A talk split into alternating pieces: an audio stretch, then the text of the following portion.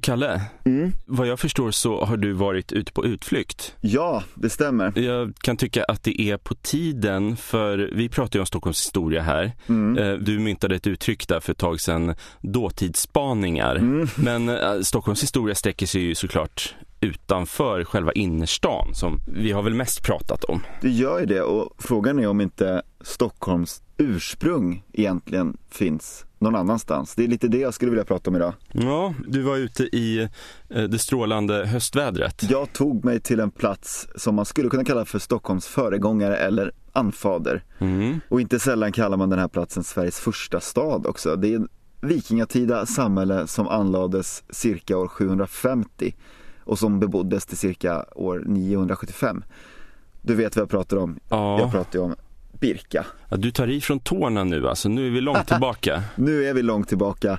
Det här är ju den gamla före detta handelsplatsen på Björkö i Ekerö kommun som finns omnämnd i ärkebiskop Rimberts Vita Ansgari, Anskarsvitan, från runt 870. Men, men var, var kom den här biskopen ifrån? Den här snubben, han heter Anskar. Eh, han kallas ibland för Nordens apostel. Det var en missionär med franska rötter som levde på den här tiden.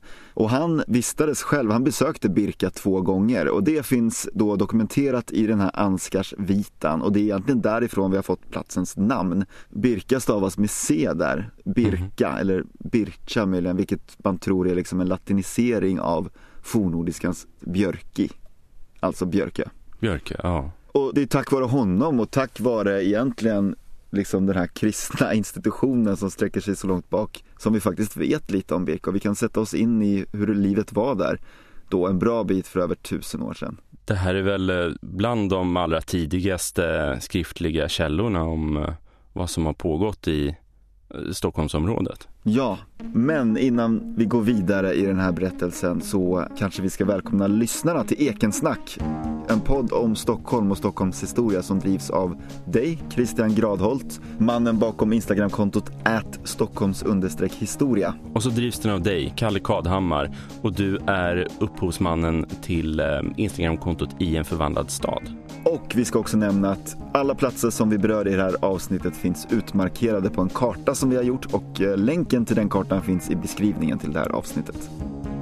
Ja, men det var ju år 829 som den här munken Ansgar då skickades till Svealand i rollen som en kristen missionär helt enkelt. Det var faktiskt något som hade efterfrågats av Sveakungen Björn Mhm. som bodde i en kungsgård vid Hovgården på Adelsö, någon kilometer från Birka, alltså på andra sidan vattnet från Birka sett på andra sidan sundet där liksom. Mhm. Kung Björn då, han hade skickat ett sändebud till Ludvig den fromme, det här var den tysk-romerska kejsaren vid den här tiden, för att be om ifall missionärer kunde komma hit till de som, och besöka de som ville konvertera. Mhm. Jag förstår inte riktigt vad det var som var incitamentet, men eh, det kanske handlade om att eh, binda kontakter med kontinenten. Mm. Men, men alltså var den här Björn själv kristen? Hade han varit ute och rest och blivit kristen? Nej, det märkliga är att kungen själv var inte kristen. Mm, Okej. Jag tror det ligger något i att han ville binda kontakter med Ludvig den fromme. Men det är ju även eh, alltså, nästan intuitivt det här med eh, alltså, det här medeltidstillvaron, det här med småkungar och sånt där. Mm. Och att de liksom motiverar sin makt med någon sorts gudomlig sanktion. Det, det är ganska gångbart det här med kristendomen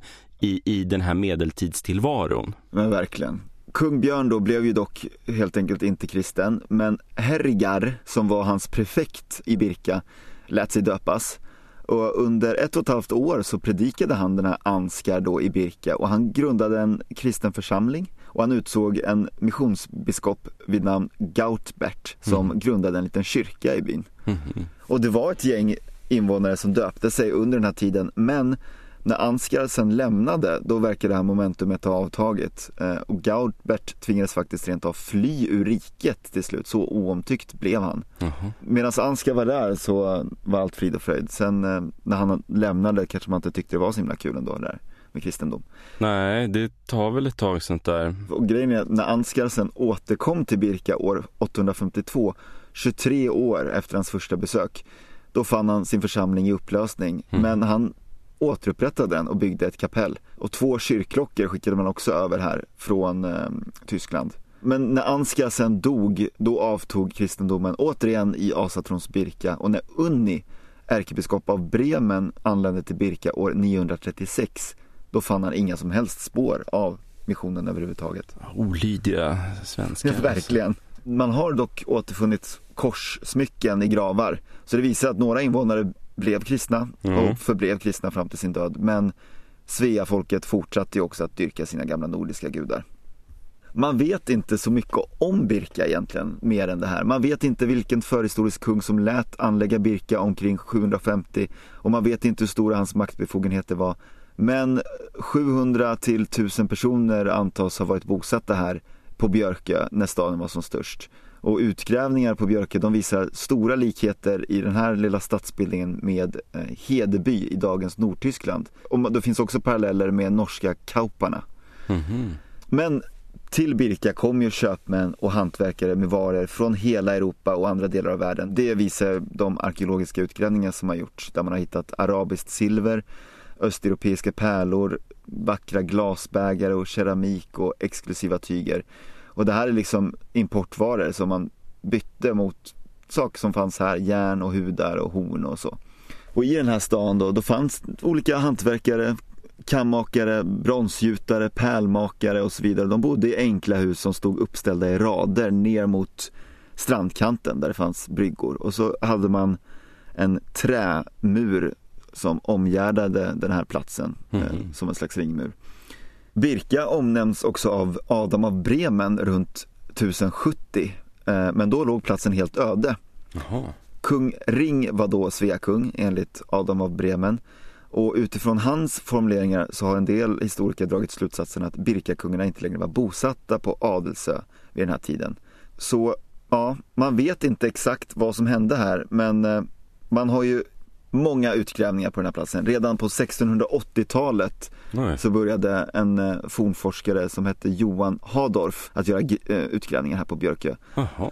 Och han fann då den svartaste kolen av utbrända hus, varest bönderna hava de fetaste åkrarna.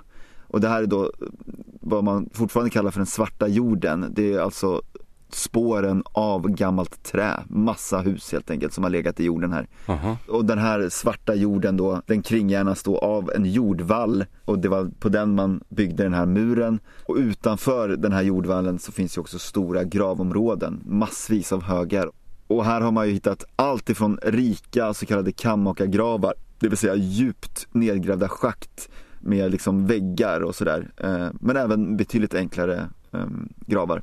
Och Hjalmar Stolpe genomförde systematiska grävningar eh, på Björkö under 1870 och 80-talen. Och han var väldigt, han letade mycket bärnsten för han ville liksom studera inneslutna insekter i dem. Mhm. Och han fann massa bärnsten här men gjorde även andra arkeologiska fynd. Ehm, Ett av hans största fynd var en silverskatt bestående av 450 muslimska silvermynt. Jaha. Det är ju ganska häftigt Det faktiskt. är ju, ja, tanken svindlar alltså. Tänk att gräva upp ett sånt på 1880-talet. Och så har man hittat eh, massa skelett också. Eh, Birkaflickan kallas en flicka som begravdes i Birka på 900-talet vid sex års ålder. Man hittade hennes kistgrav 1876. Mm. Hennes ålder eh, vid sin död bestämdes genom att undersöka tänderna och man kunde se att det var en flicka på de gåvor som hon fick med sig i graven. Ett spänne av guld och brons, ett pärlhalsband, en kniv och en benbehållare för synålar. Det här är gåvor som pekar på att hennes familj var välbärgad. Det finns ungefär 3000 synliga gravar på Björkö och det är då som sagt flera olika typer av gravar eh, vilket visar på att det fanns hierarki och stora skillnader både mellan klass och kön. Men så kommer det här med att Birka upphörde. Ja, vad, vad är dealen med det där alltså? Alltså då, då var den bara i, vad ska man säga, i drift 200-300 år eller vad? Ja, ungefär 300 år. Okej. Och man vet inte exakt varför Birka övergavs eh, på 900-talet. Men det finns några huvudteorier. Eh, Det ena är att Birka på grund av landhöjningen blev liksom mer isolerat och inte var lika lättillgängligt eh, med båt från Östersjön längre. Att platsen helt enkelt blev mindre attraktiv och värdefull på det sättet. Alltså Birka låg väl väldigt strategiskt bra till då. Som Ja. Stockholm kanske senare skulle komma att göra. Just det. Men det kan ha varit geografiska förändringar som gjorde att Birka blev mindre relevant. Ja, En annan teori är att andra samhällen i närområdet helt enkelt växte i betydelse och liksom konkurrerade ut Birka. Ja, som uh, Sigtuna kanske och... Ja men exakt, Sigtuna där i första hand ja. Och sen ju någon gång på ett eller annat sätt även det som vi idag kallar Stockholm. Stadsholmen, Gamla stan. Det finns ju den här gamla legenden om att, eller sagan som man fick höra som barn, att man aktivt valde att avveckla Birka på något sätt och la en stock i vattnet och sa att där den här stocken flyter i land, där ska vi anlägga en ny stad. Mm. Och stocken flöt i land på en holme, därav Stockholm. Och man brukar dra ungefär samma historia om att man la en stock i Sigtuna också. Mm. Och även om sanningshalten är ju diskutabel i just den här skrönan så finns det ju en tydlig korrelation i alla fall mellan att Birka minskar i betydelse, Sigtuna växer till sig och sen i sin tur Stockholm grundas officiellt 1252. Just det. Alltså runt 300 år efter att Birka börjat avbefolkas. Så att det råder ingen tvekan om att urstockholmarna, de bodde ju här på Björkö. Ja. Så vill man få en ökad förståelse för Stockholms historia och ursprung, då tycker jag man verkligen behöver besöka vikingastaden Birka. Ja, alltså, det jag tycker är kul att du har gjort det. Jag har aldrig gjort det till exempel. Nej. Det, och det är ju skandal. Ja men det är en otroligt fascinerande plats. Alltså det här fornlämningsområdet på Björkö eh, och då intilliggande Adelsö, det utgör ju ett av Sveriges 15 världsarv. Det blev upptaget Aha. på Unescos världsarvslista 93 med motiveringen att Birka är en av de mest kompletta och orörda vikingatida handelsplatserna i Europa. Men eh, med det sagt så eh, för att vara en så komplett och orörd vikingaby så gör platsen ju inte så mycket väsen av sig. Alltså det går ju dagsturer med båt dit och några timmar där räcker gott och väl. Det finns egentligen inte så mycket som att upptäcka där. Det är den här gamla vallen, det är gravarna och så har man ju smält upp några eh, liksom, trähus i en liten vikingaby, ett femtal, för att visa på hur det såg ut förr i tiden. Och så finns det ett lite väl sparsmakat museum där. Mm, Det är lite konstigt kan man ju tycka. Ja. Det är ju en sån turistmagnet potentiellt liksom och en, en stolthet skulle det kunna vara för Stockholm. Men jag tror att det som vanligt är en fråga om resurser. Ja. Birka har faktiskt gått på knäna väldigt länge och DN skrev för ett par år sedan om hur flera forskare varnade för att Birka håller på att förfalla. Det har liksom inte eh, tagits om hand om riktigt enligt destinationschefen på Birka och något som är riktigt eh, upprörande är ju att de även har upptäckt ett antal rovgrävningar Ja, det är ju fruktansvärt fult. Ja, Lena Holmqvist, hon är docent i laborativ arkeologi vid Stockholms universitet och eh, hon kom till Birka som student 1975 och har sedan dess deltagit och lett flera utgrävningar. Och hon gick tillsammans med några kollegor ut i en debattartikel i Svenska Dagbladet för ett par år sedan och varnade för att Birka är hotat. Flera av de mindre gravfälten är ihopväxta och svåra att urskilja och under de senaste åren har olagliga ingrepp upptäckts när människor använder metalldetektorer för att rovgräva i gravar. Och hon säger också vidare att Birka har misskötts i över 20 år. Vi har stora problem med tillsynen. Och det, det får man ju säga att de inte har någon tillsynsman där dygnet runt är ju lite beklagligt. Så att jag ville väl egentligen med det här bara säga nu när vi har en ny kulturminister på plats, skjut till lite pengar och låt Birka leva.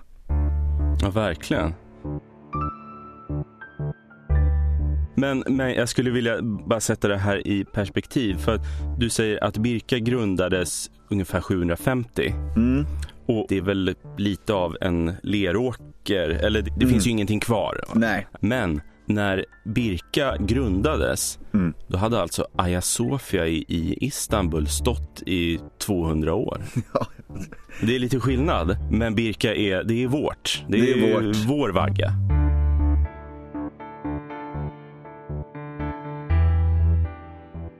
Jag ska inte vara lika avlägsen i tid utan jag ska prata om någonting som kanske kan betraktas som en banalitet idag. Mm.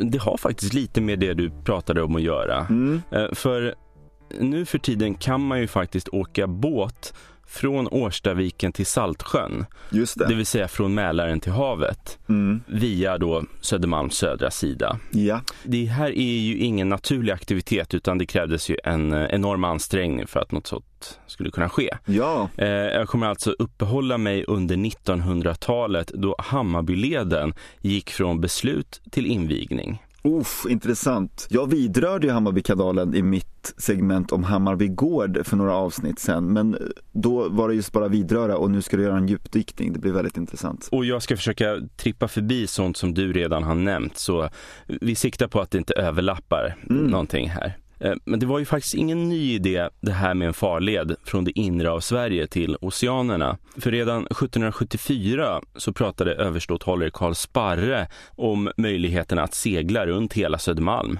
Mm. Men eftersom Hammarby sjö låg så mycket högre än eh, Mälaren och havet, mm. mer än fem alnar, Oj. Eh, så skulle man behöva tappa av den kraftigt och då skulle Danvikens kvarnar ödeläggas. Så, så, det här fick vänta. Mm. Men om vi ska gå ännu längre tillbaka i tiden så var ju eh, det som idag är Mälaren en havsvik. Mm. Så när folk åkte till eh, Birka så seglade ju de bara rakt in från havet till Birka som nu ligger i Mälaren. Just det. Men i och med landhöjningen efter istiden så steg ju Mälaren uppåt och så på 1200-talet ungefär så har jag läst att eh, då menar man att det blev liksom skilda nivåer på Mälaren och havet. Mm. Men varför skulle man nu behöva en farled från Mälaren till Saltsjön? Jo, för att underlätta transporter och handel. Ja. Och att krångla sig genom Slussen vid Slussen, alltså mellan Gamla stan och Södermalm, det medförde ju det som kallades Slussen-eländet. Ja. Att spårvagnar och gående och en begynnande biltrafik ständigt fick stanna för alla broöppningar då båtar skulle igenom Slussen. Ja. Och båtarna fick väl i sin tur vänta på tågen som passerade järnvägsbron innan den kunde öppnas genom att vridas upp. Så det var ett långvarigt problem här. Mm. Men vi kan gå till Lindhagenplanen som vi så ofta gör. Ja. Från 1866. För där på kartan över gaturegleringsförslaget så ser man runt Hammarby sjö, alltså nästan precis hur det skulle komma att se ut. Mm. Med, med kajer och ett utlopp i Saltsjön. Så Lindhagenplanen var verkligen en framtidsprodukt. Det var en del av Lindhagenplanen alltså? Att det skulle gå att ta sig med båtar? A absolut. Aha. Så det här låg på bordet men detaljerna var oklara. Va? Mm. Eh, år 1900 då tänkte man sig en sänkning av Hammarby sjö och eh, eh, inte mer än en promkanal vid Danviken mm. medan den huvudsakliga utfarten för större fartyg tänktes gå vid eh, Svindersviken. Mm. Men det här stöttes och blöttes och diskuterades och förändrades. Men 1913 så kom i alla fall ett förslag som kunde ligga till grund för ett beslut i frågan. Men det här gällde bara en farled för större fartyg från Mälaren till Saltsjön, men inte hamnar och kajer och industriområden.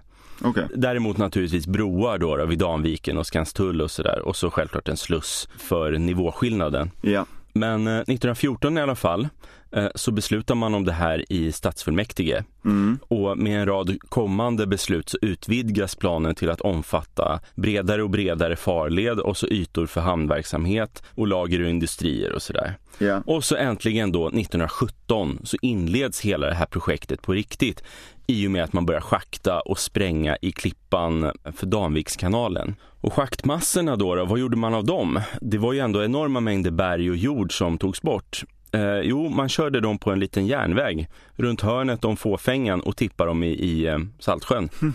Så nuvarande Masthamnen vilar till stora delar på sten och jord här från Hammarbysidan.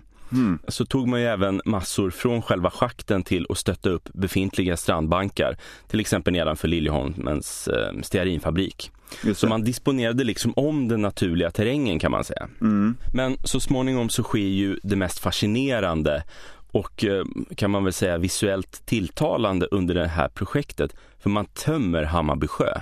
Just det. Alltså allt vatten pumpas upp och ut och tappas bort i Saltsjön. Så kvar blir liksom en torrlagd dal där man kan gräva ut och bygga kajer i lugn och ro och framförallt torrskodd. Mm. Och här kan jag säga att kajerna byggdes till stor del av röd granit från stadens eget eh, stenbrott på Vätö. Ah, ja. Och det här är alltså samma röda granit som man hittar i det här gamla riksdagshuset mm. och Operan yeah. och broarna över Kungsgatan och Sofia kyrka och Centralposthuset på Vasagatan och många andra byggnader. Men, men den här tömningen av sjön i alla fall den skedde successivt över flera års tid med början 1918 och så var det väl först några år in på 20-talet som sjön faktiskt var helt och hållet tömd. Men den här sjötömningen hade ju vissa konsekvenser, nämligen att brunnar i trakten sinade. Mm. För om du rör dig bortåt Sickla så finns det en gammal industribyggnad som på den här tiden var bageriidkarnas gästfabrik.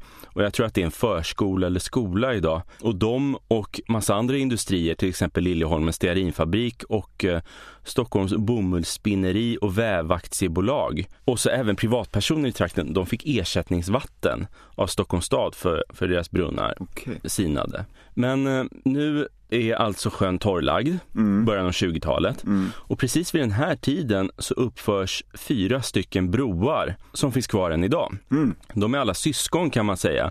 Danviksbron, Skansbron, Årstabron och Liljeholmsbron. Just det. Och alla de här broarna är beståndsdelar i Hammarbyleden och Ja. alla tillkom under 20-talet. Och Danviksbron invigdes faktiskt fullt ut för nästan exakt 100 år sedan, plus några månader. Ah. Så det är väl en 100-åring värd att fira. Verkligen. Och den är snygg också. Ja, verkligen.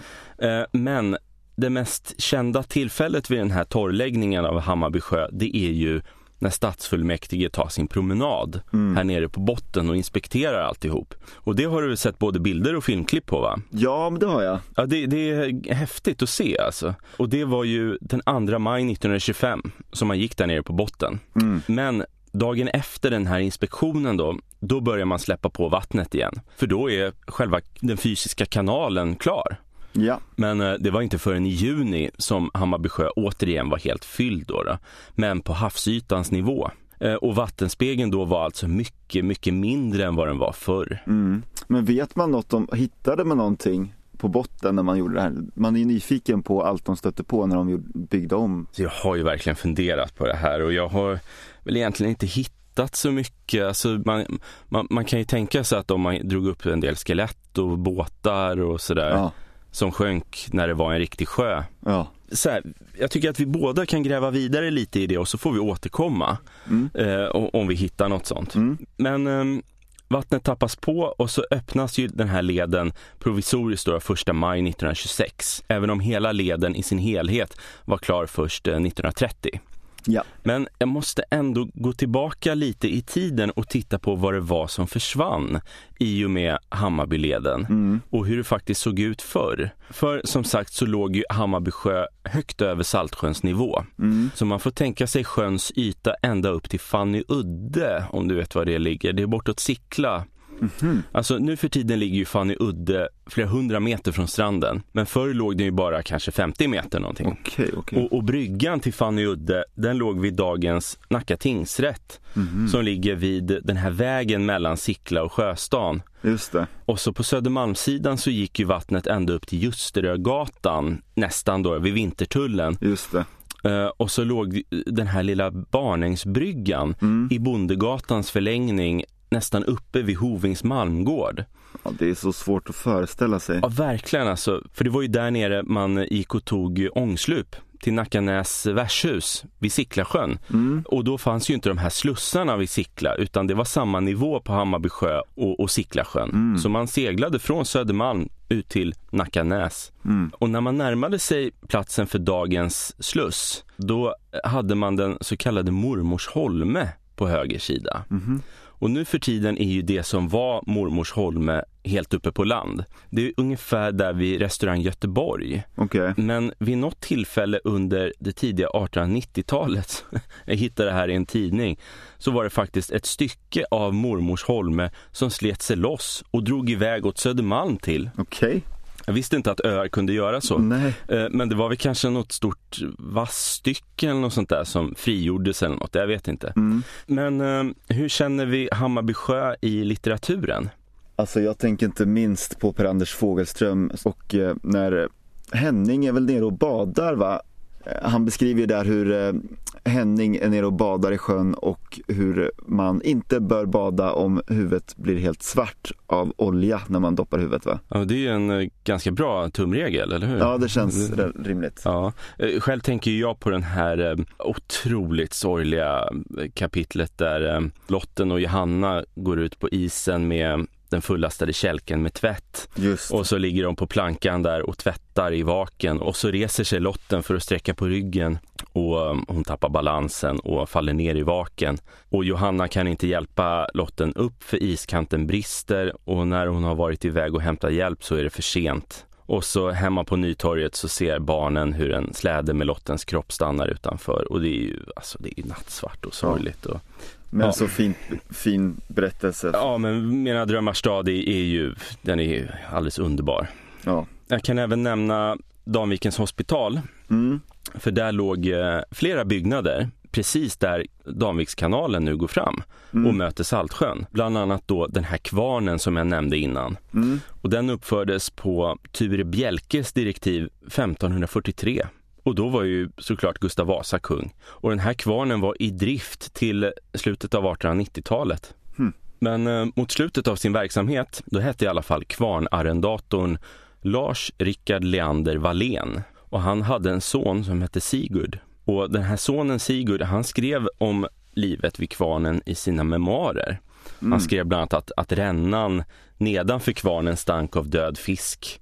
Den hade väl eh, krossats i kvarnhjulet där kan man tänka. Mm. Men eh, Sigurd Wallén, son till Danvikens siste kvarnarrendator, han blev i alla fall en av våra mest kända skådespelare mm. på 20, 30, 40-talen. Alltså hans mest kända roller är väl i Swedenhjelms och eh, Ebberöds bank och så mm. finns det en som heter Karl Fredrik regerar och så Rosbiggar efter eh, Albert Engström. Mm. Men eh, man kan i alla fall sluta sig till att det var något av en ganska lantlig idyll som gick förlorad i och med anläggandet av eh, Hammarbyleden. Bland annat här nere vid Danvikskroken där under där Danviksbron går idag. Det var det var som en liten vik med vass och en, och en liten träbro. Och, ja, föreställer mig att det var ganska idylliskt. Verkligen.